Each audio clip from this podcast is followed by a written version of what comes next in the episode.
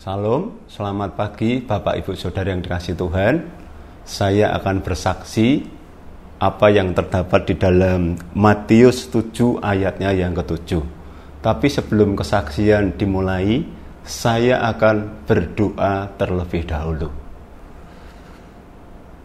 Tuhan Yesus, terima kasih buat pagi hari ini. Sebelum hambamu bersaksi, kiranya Tuhan mengurapi, Tuhan menolong, melalui kesaksian ini nama Tuhan yang dipermuliakan. Terima kasih Tuhan, di dalam nama Tuhan Yesus Kristus kami berdoa. Amin. Bapak Ibu yang dikasih Tuhan, saya akan saksikan bagaimana Tuhan itu luar biasa. Kalau kita minta sama Tuhan, kalau kita ini mencari Tuhan, kalau kita ini mengetuk pintu, saya yakin Tuhan akan menjadi jawaban kita.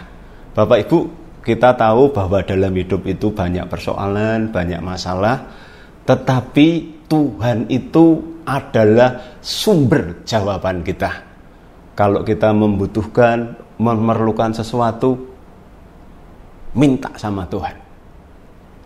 Ya, Bapak Ibu, saya akan saksikan beberapa minggu yang lalu, saya ada jemaat yang sakit dibawa ke dokter. Karena sakitnya sangat parah dia bawa ke dokter. Setelah dibawa ke dokter ternyata sama dokter dikasih rujukan untuk mondok di rumah sakit. Setelah itu dia mondok di rumah sakit selama tujuh hari. Karena di sana diperiksa tidak ada hasil yang maksimal dan karena alatnya juga tidak lengkap di rumah sakit itu dia pulang. Sampai di rumah dia tidak bisa apa-apa. Jalan tidak bisa ngomong saja pelan.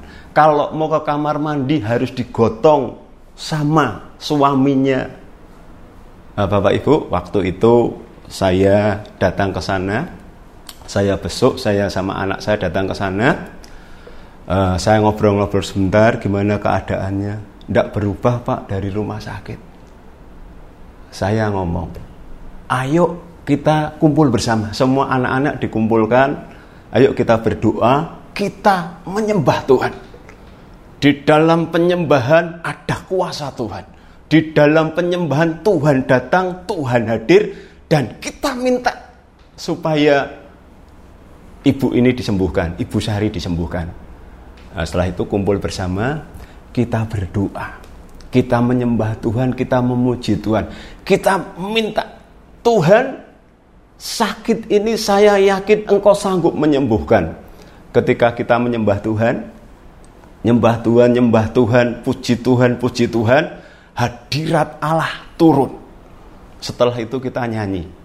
Satu-satunya yang ku andalkan satu-satunya yang ku percaya Engkau Tuhan memberkati Tuhan penyembuhku Tuhan pemulihku. Ketika pujian itu dinaikkan uh, Kita semua berdoa Saya mendatangi yang sakit Saya tumpangkan tangan dan saya ingat firman Tuhan di dalam Markus pasalnya yang ke-16 ayat yang ke-17.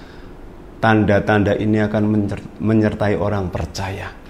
Tumpang tangan atas orang sakit, orang sakit sembuh. Saya imani, saya tumpang tangan, saya ngomong Tuhan, Tuhan sembuhkan, alirkan kesembuhanmu. Saya berdoa, berdoa menyembah Tuhan. Waktu itu kita menyembah Tuhan cukup lama, hampir satu jam. Nah, setelah itu amin, kita ngobrol-ngobrol sebentar. Uh, saya pulang. Dua hari kemudian saya cek, saya besok ke sana. Puji Tuhan. Dua hari yang lalu, dia tidak bisa jalan, matanya sipit, kesakitan, saya datang saat itu dia sudah sembuh. Bisa ke kamar mandi sendiri dan saya yakin Tuhan sudah menjamah. Nah, dari ayat ini, ingat, kalau kita butuh sesuatu, ada keperluan, minta sama Tuhan. Tuhan pasti akan memberi. Kita minta dengan iman, dengan keyakinan. Tuhan akan berikan sehingga nama Tuhan dipermuliakan. Bapak Ibu, ayo kita datang sama Tuhan apa pun yang menjadi masalah kita. Oh iya satu lagi, satu satu lagi saya akan bersaksi. Waktu itu ada jemaat yang kerjanya itu di rumah ibadah gitu ya, bukan Kristen di rumah ibadah, dia sering masak, dia lakukan ini, bersihkan itu.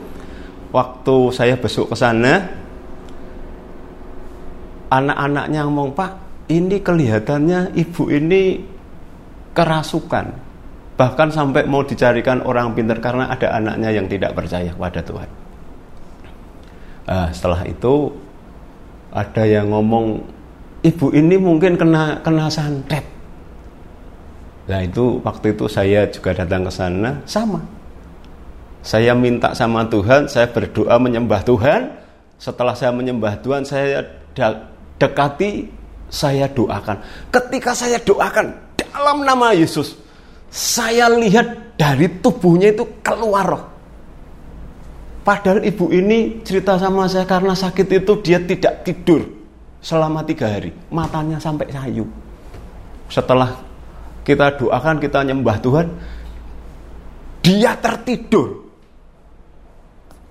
Saya kumpulkan sama anak-anak saya, saya ngomong e, sudah ibu biarkin biarin dia tidur. Nah, setelah itu saya pamitan pulang. Besoknya saya cek lagi datang ke sana, saya dikasih tahu dia tidak tidur tiga hari ketika saya besok jam 9 dia tidur dari jam 9 pagi sampai jam 10 malam dia bisa tidur dahsyat sampai anak-anaknya bingung ngebel saya pak ini ibu kok enggak enggak bisa bangun sampai jam segini nah setelah itu besoknya ibunya bisa bisa bangun dan badannya lebih baik Bapak, Ibu, saudara yang dikasih Tuhan, ayo kita minta sama Tuhan. Apa yang menjadi kebutuhan kita? Apa yang menjadi keperluan kita? Kita minta sama Tuhan dengan iman, dengan keyakinan datang, berdoa, menyembah Tuhan. Permintaan kita pasti akan dikabulkan Tuhan, apalagi itu kehendak Tuhan. Bapak Ibu, saya rindu Bapak Ibu dengan kesaksian ini Bapak Ibu dibangun dan semakin dekat sama Tuhan. Minta sama Tuhan, apa pun yang menjadi masalahmu, Tuhan mengasihi kita semua. Amin.